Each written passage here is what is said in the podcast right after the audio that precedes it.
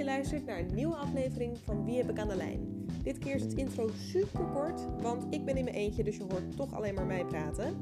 Het onderwerp van deze aflevering is duurzaamheid en ik hoop dat je hem interessant vindt. Heel veel plezier met luisteren.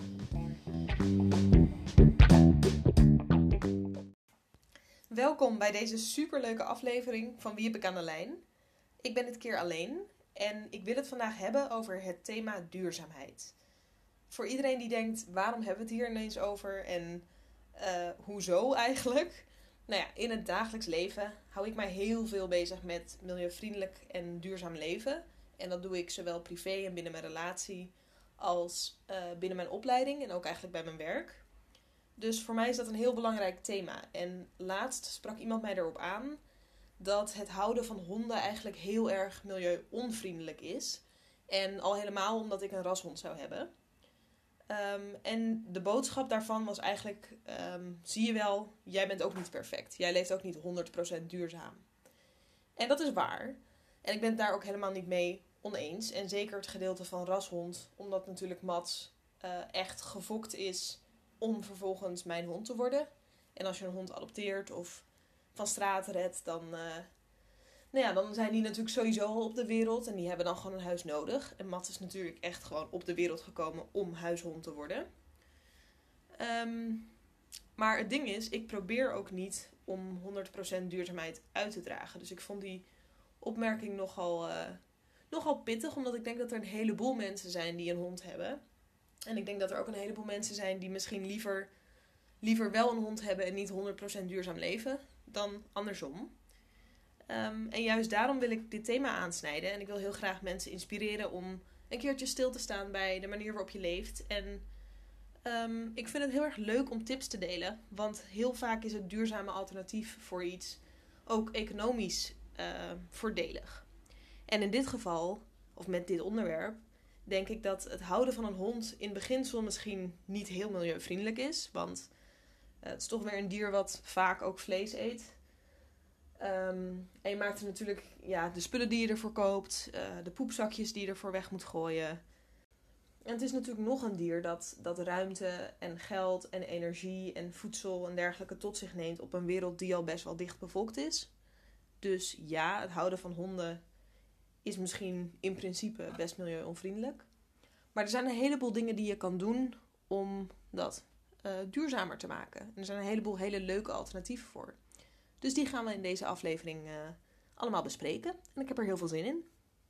Nou, en dan beginnen we denk ik maar met het meest logische deel, namelijk uh, wat ik net al eerder noemde, de aanschaf van een hond. Want je kan natuurlijk heel erg een bewuste keuze maken tussen een gefokt dier of een asieldier of bijvoorbeeld een herplaatser uit het buitenland. Um, en ik wil daar niet te lang op blijven hangen, want um, ja, je kan het tot in de details gaan uitzoeken, want je kan natuurlijk ook weer suggereren dat het verplaatsen van een dier van Roemenië of Griekenland naar Nederland, dat kost ook weer brandstofkosten. Dat is alleen maar als je het heel praktisch gaat bekijken. Als je het gaat kijken op emotioneel vlak, uh, dan is wat je in huis haalt, ja, is zo'n hond er nou echt, wordt die er echt beter van om naar Nederland te komen? Ja of nee? Helemaal als een hond echt al lange tijd op straat heeft geleefd. Uh, is dat dan prettig? Is dat dan iets waar ze gelukkiger van worden? Moet je dat willen? Nou, dat wil ik nu even allemaal in het midden laten. Maar het is natuurlijk wel zo dat uh, en ik kan me daar ook wel in vinden dat, dat op het moment dat je je afvraagt: Nou, ik, ik wil graag een hond, ik ben mens en ik wil een hond.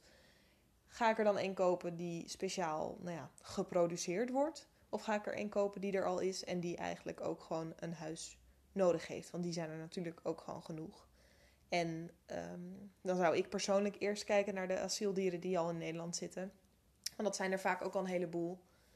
Um, dus zie dit gewoon als een pleidooi voor. Uh, ja, ze noemen ze ook wel eens tweedehands dieren, maar dat vind ik ook wel weer heel erg kort door de bocht.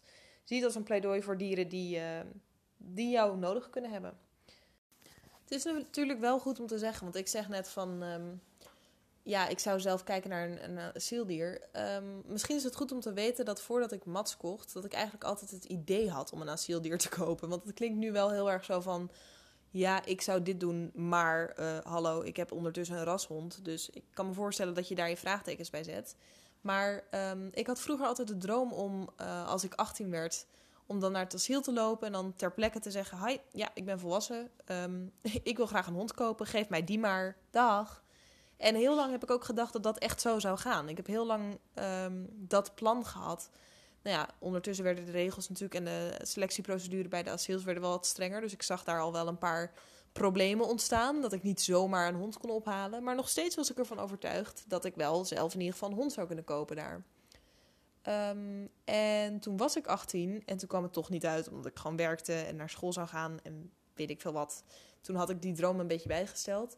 En toen kwam Mats op mijn pad. Dus dat is een beetje zo gelopen. Het is nooit echt intentioneel geweest. Terwijl het wel altijd intentioneel was om een asieldier te kopen. Dus als je je afvraagt, goh, waarom zegt ze het een en doet ze het ander? Uh, er gaat echt nog wel een moment kopen, komen. Als ik de, de ruimte heb en het geld om twee honden echt goed te onderhouden en allebei te kunnen bieden wat ik ze wil bieden, uh, dan wordt het sowieso een asieldier.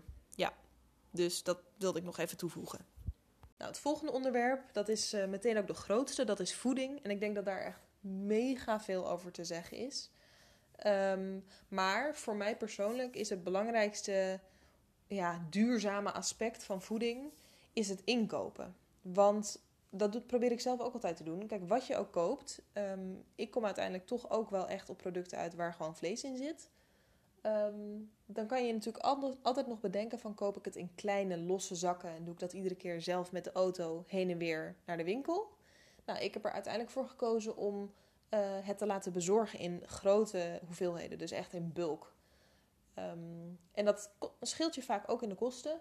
Maar het is ook uh, milieubewuster, omdat je natuurlijk gewoon nou ja, die vrachtwagen maar één keer laat rijden. In plaats van dat jij uh, tien keer in de maand op en neer gaat om ergens voer te halen. Nou is dat vaak natuurlijk sowieso niet zo. Maar toch, um, toch is dat voor mij wel een overweging. Van oké, als ik dit koop, kan ik dat in grote hoeveelheden kopen? Waar komt het precies vandaan? Kan ik het bij een andere leverancier vinden die het bijvoorbeeld dichter bij huis zit? en er gaat eventjes ja, een soort uitzoekwerk in zitten. Um, ik heb toen uiteindelijk een keer een Excel-bestandje helemaal aangemaakt en gekeken, oké, wat is de prijs-kwaliteitverhouding en hoe zit dat dan met afstanden en uh, wat als ik het zelf zou halen, wat als ik het laat bezorgen. Want dat is wel zoiets, als je het laat bezorgen, zit je ook wel met bezorgtijden. En dan moet je natuurlijk maar wel net thuis zijn, of een familielid of een gezinslid dat thuis moet zijn.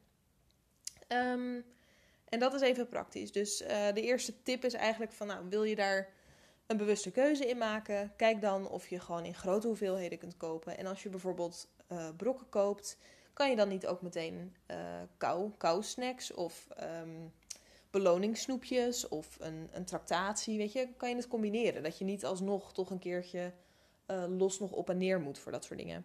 Of je kan het ook combineren met bijvoorbeeld het kopen van spullen. Ja, spullen als in spullen voor de hond dan natuurlijk. Je kan niet, nou, tenminste, tenzij je bij een grote leverancier koopt die ook andere dingen verkoopt, bijvoorbeeld tuincentra en dergelijke, dan zou je natuurlijk nog meubels of planten of weet ik veel wat kunnen laten meeleveren. Maar als je echt een, een uh, diervoeding of een speciaalzaak of een grote leverancier van dat soort producten hebt, ja, dan kan je kijken van um, hebben ze misschien nog voerbakken of bijvoorbeeld uh, speelgoed of dergelijke.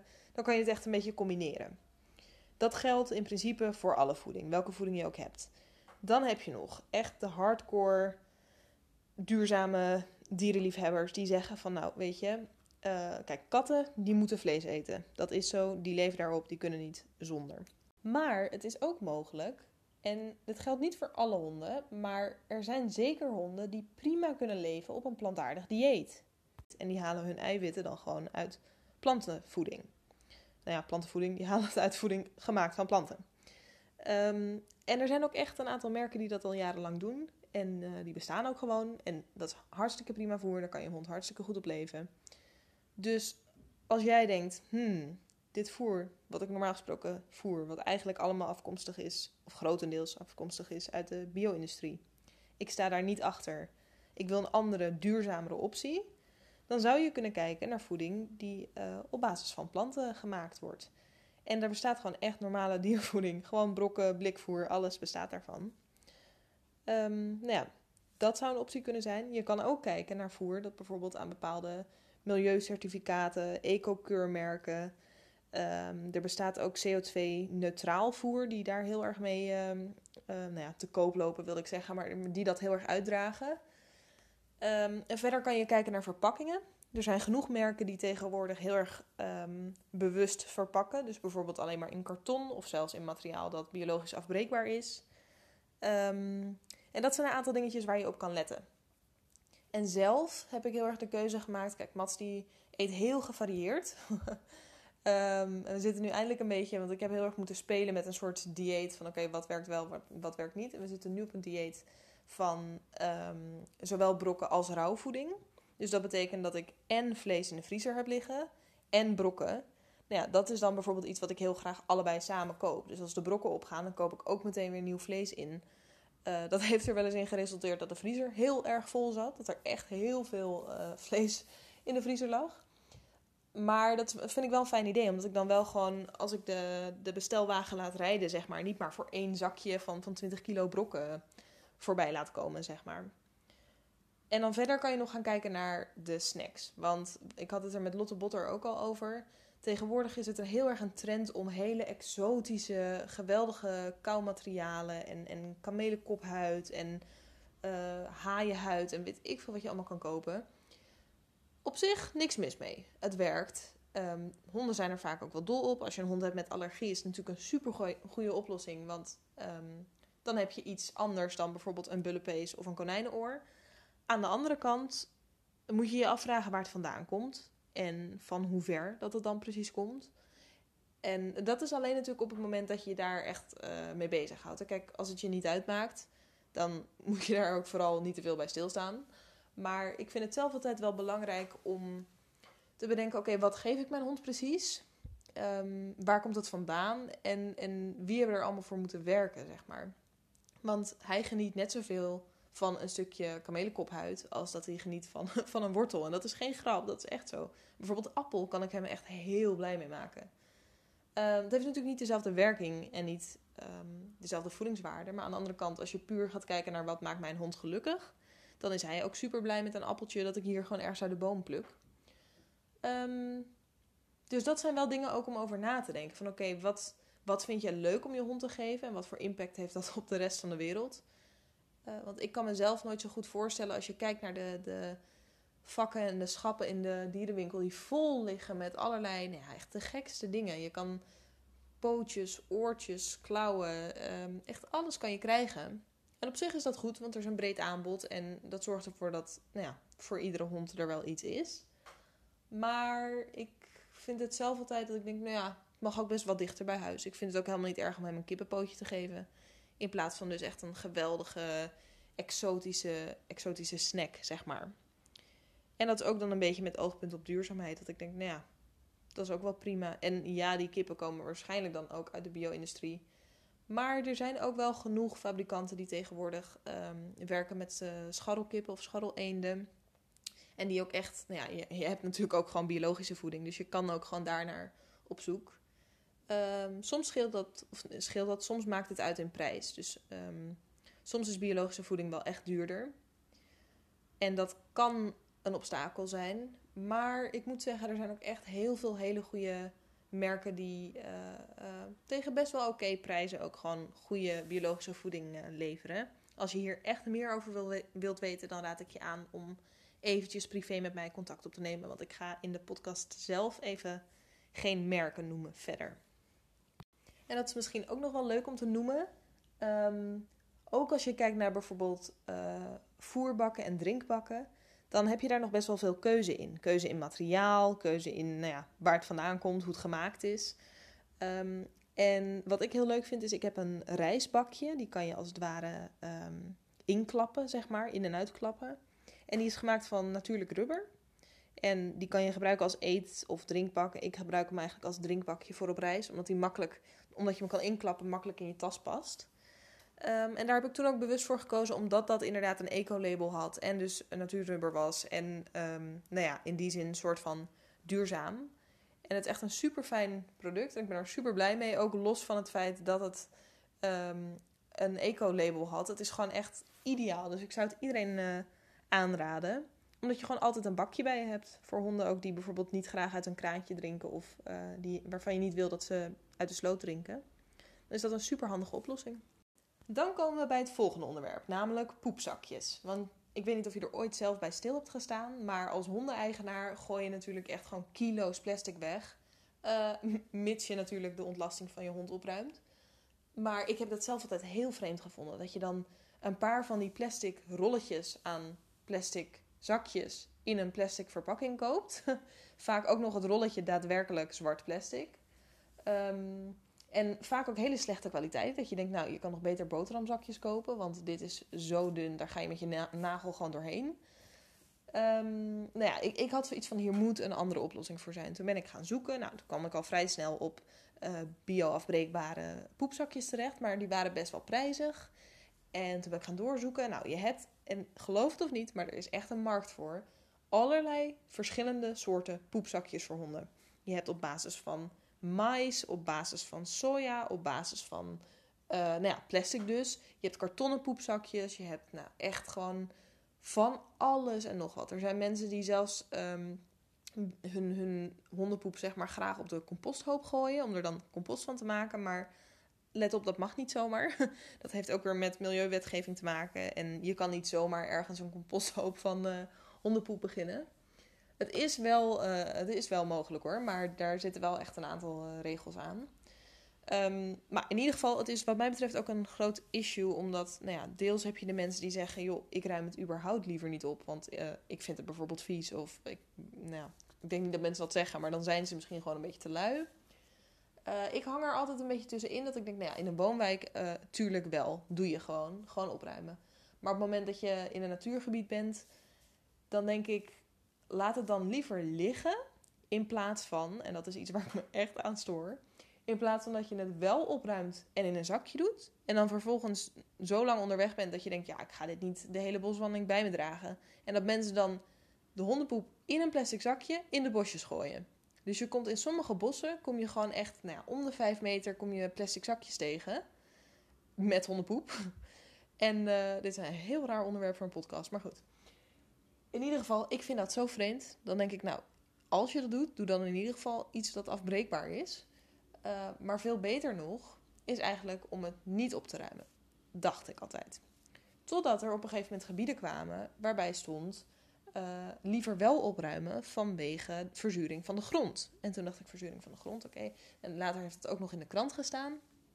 Um, het zit namelijk zo, er zit een bepaalde hoeveelheid stikstof uh, die in hondenpoep die komt dan in de grond. En dat zou dan in hele grote mate zou dat de grond kunnen verzuren. Maar die hoeveelheid is zodanig klein dat dat eigenlijk nauwelijks effect heeft. Je, de oorzaak zal waarschijnlijk iets anders zijn geweest. Maar dat deed bij mij wel een belletje rinkelen. Dat ik dacht, ja, wacht even. Als ik voor ieder poepje van mijn hond een poepzakje gebruik hoe milieuvriendelijk is dat dan precies? En kan ik het niet beter gewoon laten liggen? Nou ja, daar zijn ook weer onderzoeken naar gedaan. In principe um, wordt de hondenpoep heel snel afgebroken en zeg maar verteerd in de grond. Dus ja, dat is wel milieuvriendelijker dan het gebruik van een zakje. Maar sociaal gezien is dat natuurlijk niet in elke situatie gewenst. Dus ik heb nu voor mezelf de stelregel dat um, sowieso op straat en in woonwijken en nou ja, gewoon in leefgebied van de mens ruim ik het standaard op met een biologisch afbreekbaar zakje. En in gebieden waar dat niet nodig is, dan gebruik ik geen zakje. Omdat ik denk, nou ja, dat scheelt er toch weer een. En dat is natuurlijk volledig persoonlijk. En ik denk, iedereen kan ervan vinden wat ze willen. Maar um, dit is een onderwerp waar voor mij in ieder geval echt wel gewoon kansen en mogelijkheden waren. Omdat ik er vroeger gewoon nooit bij stil had gestaan. Ik dacht, ja, het is heel logisch. Je hebt gewoon hondenpoepzakjes en die zijn van plastic. Nou ja, niet dus. Je hebt heel veel soorten. Ehm, daarin dus ook prijsvariatie. Nogmaals, ik ga nu niks noemen, maar mocht je er meer over willen weten, dan kun je altijd contact opnemen. Goed, dan hebben we dat onderwerp gehad. Dan wil ik over naar vlooien en tekenbestrijding. Want um, heel veel van deze bestrijding komt van hele grote um, fabrikanten, die ook bijvoorbeeld uh, pesticiden ontwikkelen en nou ja, die veel werken met giffen. Want dat is wat veel van onze teken- en vlooienbestrijding is. Uh, denk maar aan de pipetten en de shampoos en dergelijke. Daar zitten gewoon heel veel ja, stofjes in, heel logisch. En die zorgen ervoor dat vlooien en teken, nou ja, ofwel overlijden, ofwel in ieder geval wegblijven. En je kan je afvragen: goh, als dat zo goed werkt, wat is het dan precies? Uh, daar kan ik je niet alles over vertellen, want ik ben geen expert op dat gebied. Wat ik wel weet is dat er een aantal merken zijn die, ehm, als je gaat kijken naar wat ze nog meer leveren, vooral bezig zijn met ongediertebestrijding en vooral bezig zijn met vergiffen. Um, waarbij er vaak ook op de pipetten staat, of op het doosje van de pipetten staat: van nou, let op, uh, je hond na uh, behandeling niet te dicht bij kinderen brengen. Uh, niet zelf je met je vingers je gezicht of je mond aanraken. Altijd heel goed je handen wassen. En dan weet je eigenlijk al dat spulletje dat ik op mijn hond, mijn, mijn levende wezen heb gespoten, is waarschijnlijk niet heel geweldig voor je eigen, dan wel zijn of haar gezondheid. Um, ik vind dat zelf, ik vond dat zelf altijd al heel lastig. Los nog van het feit van of het duurzaam is of niet. Um, vond ik het altijd een heel raar idee dat ik met gif aan het werk was op een levend wezen. Met een spulletje dat dan ook zo dicht mogelijk op zijn huid moest komen, zodat het in zijn bloed kwam. Toen dacht ik dat kan niet goed zijn. En toen ben ik verder gaan kijken. En um, er zijn echt wel natuurlijke alternatieven. Je hebt een halsband met harskralen, die voor best wel veel honden schijnt te werken. Ik heb hem zelf nog nooit gehad. Um, en dat zou dan de teken weerhouden. Je hebt uh, ook echt gewoon letterlijk homeopathische uh, alternatieven, oliën, etherische oliën, shampoos en dergelijke, die op basis zijn van andere bestanddelen dan nou ja, die hele giftige, zeg maar. Uh, waarbij dus bijvoorbeeld ook geen gevaar is als jij een kind hebt en die dan toch per ongeluk de hond knuffelt, omdat je ze net niet even in de gaten had. En die dan dus geen gevaar lopen, omdat het gewoon eigenlijk natuurlijke producten zijn. En waarbij je zelf ook niet hoeft op te letten of je het op je handen krijgt of nou ja, wat voor situatie dan ook. Um, en nou ja, dan kom je op dat stukje duurzaamheid. Het lijkt mij sprekend voor zich. Um, in principe werk je dus niet meer met hele chemische, giftige, nare stoffen die allemaal in plastic pipetjes worden vervoerd. Die overigens ook nog echt best wel duur zijn, moet ik zeggen. Ik verbaas me daar altijd over. Um, en daarnaast, nou ja, het zijn gewoon grote fabrikanten die ook pesticiden en dergelijke ontwikkelen. En dan ga je natuurlijk de overstap maken naar de landbouw en het feit dat we dat daar allemaal gebruiken en dat dat heel erg slecht is voor gewassen en voor biodiversiteit binnen de landbouw. Dus als je het helemaal doortrekt, dan draag jij met het kopen van zo'n pipet bij, in principe, aan de afname van biodiversiteit bij landbouwgewassen. Nou, meer dan dit ga ik er geen woorden aan vuil maken, maar voor mij was dat heel duidelijk dat ik dacht: oké, dat wil ik sowieso niet. Dus wat zijn de alternatieven? Ik merk dat ik uh, best wel snel door deze podcast heen ga en ik weet niet helemaal waar dat mee te maken heeft. Ik denk Deels omdat ik me heel erg afvraag of er uh, andere hondeneigenaren zijn die zich hier ook mee bezighouden. Of die dit ook interessant vinden. Um, en omdat ik niet een soort heel erg lange monoloog wil houden over wat er allemaal slecht is voor de wereld. En wat je allemaal beter zou kunnen doen. Want dat is niet helemaal mijn insteek. Het is gewoon meer dat ik door de jaren heen een aantal handigheidjes of, of grappige dingetjes heb ontdekt. Zoals bijvoorbeeld die poepzakjes waar ik gewoon vroeger nooit bij stilstond en die nu gewoon normaal zijn geworden en waar ik eigenlijk niet meer over nadenk. En ik zou het heel leuk vinden om een beetje datzelfde effect te creëren. Um, maar ik merk ook dat ik het een lastig onderwerp vind, omdat het toch, ja, het raakt ook wel een soort van een beetje politiek. En dat is niet helemaal wat ik met deze, met deze podcast aan het doen ben. Um, dus ik merk dat ik een, soort van een beetje op eieren loop of zo. Ik ben. Uh, snel aan het doorwerken. Dus ik, ik zou heel graag weten, mocht je hier iets van vinden, um, positief of negatief, dat maakt niet zoveel uit. Maar ik zou het heel leuk vinden om hier feedback over te krijgen. En te weten of dit een onderwerp is wat, um, nou ja, waar jullie ook in geïnteresseerd zijn als luisteraar. Maar goed, um, ik heb natuurlijk nog andere hele leuke onderwerpen nu ook om over te praten. Dus daar gaan we gewoon lekker mee door. Um, de volgende is speeltjes. Ik weet niet of je er ooit bij stil hebt gestaan, maar als je in de winkel kijkt, dan liggen de schappen vol met van die prachtige, uh, vliesachtige, nou ja, uh, zachte speeltjes. En, en nou, hoe leg ik dit uit? Als je in een winkel, in een dierenwinkel staat, lijkt die tegenwoordig voor drie kwart op de prenatal. Dat is het enige waar ik op kan komen. Dat is misschien heel erg kort door de bocht, maar uh, je kan tegenwoordig het verschil niet meer zien tussen speelgoed voor honden en speelgoed voor baby's. Wat op zich niet erg is, want ik ben helemaal voor zacht speelgoed en knuffels en dergelijke voor puppies.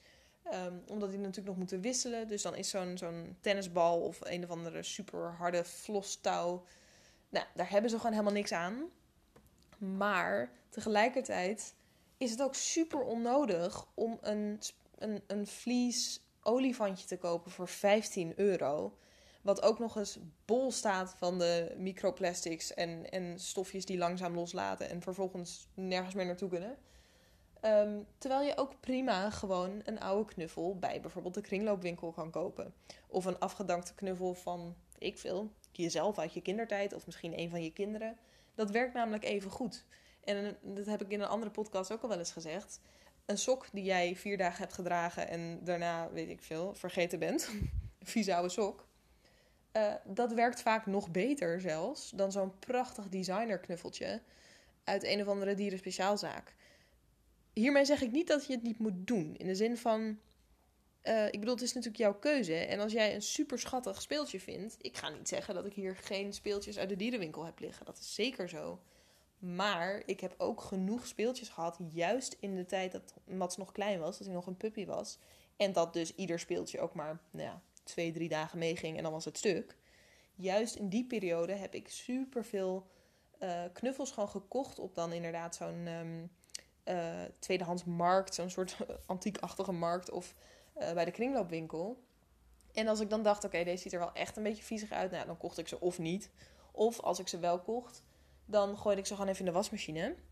Uh, is natuurlijk ook niet heel duurzaam in de zin van dan staat de wasmachine weer aan, moet je weer wasmiddel voor gebruiken. Maar um, eigenlijk is dat ook maar één keer voorgekomen, moet ik eerlijk zeggen. En voor de rest, ja, weet je, prima. Gewoon een oude teddybeer van iemand um, voor 50 cent. In plaats van zo'n zo'n vlostouw van uh, eh, 15 euro, wat ik al eerder zei.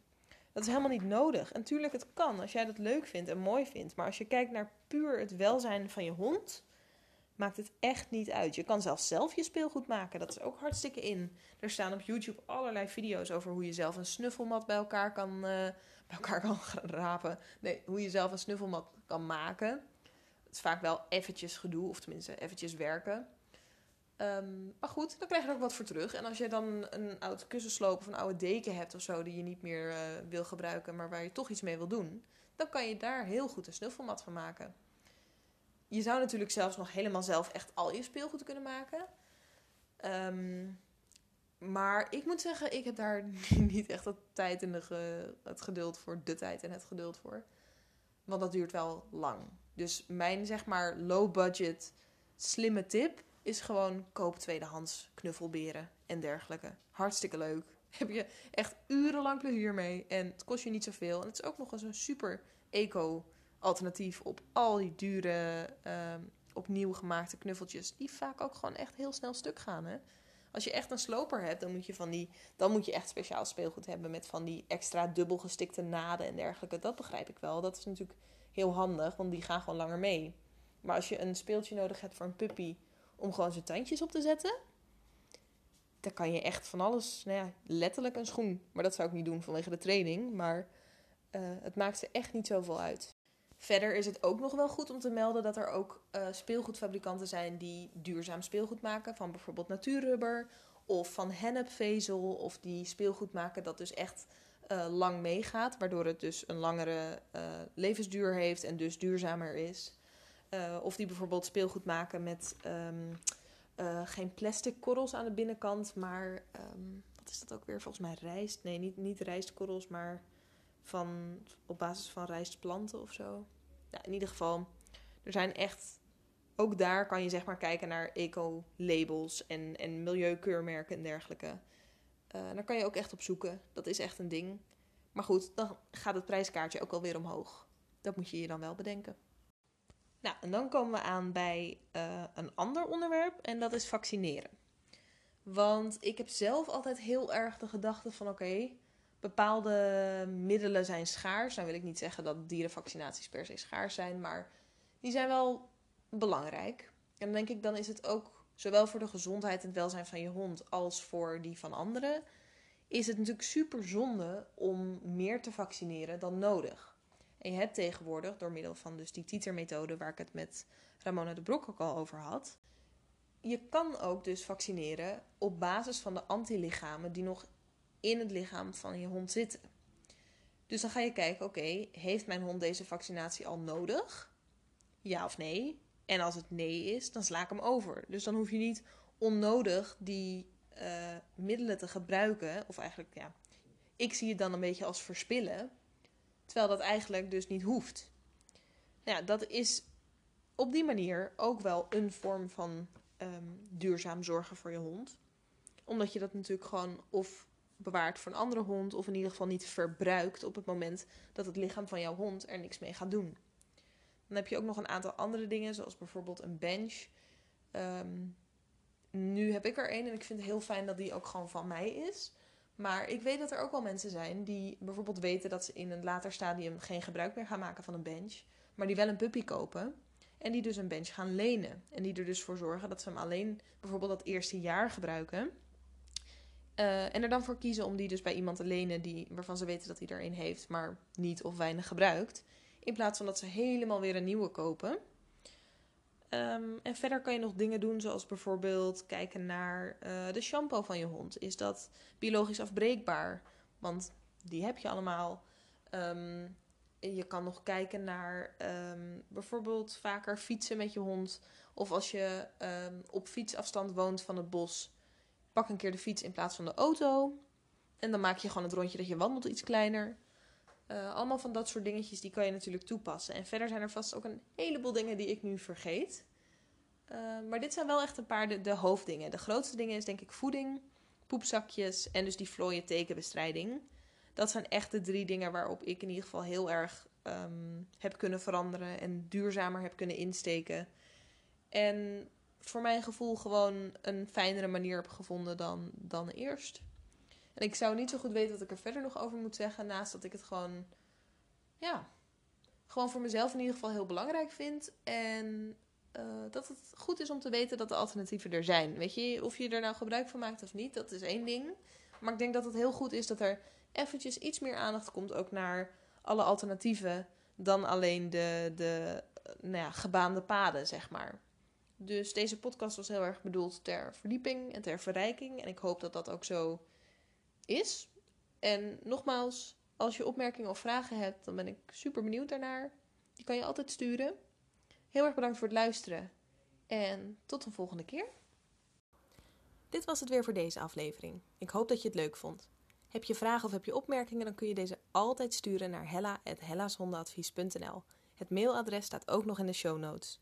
Heel erg bedankt voor het luisteren en tot volgende keer.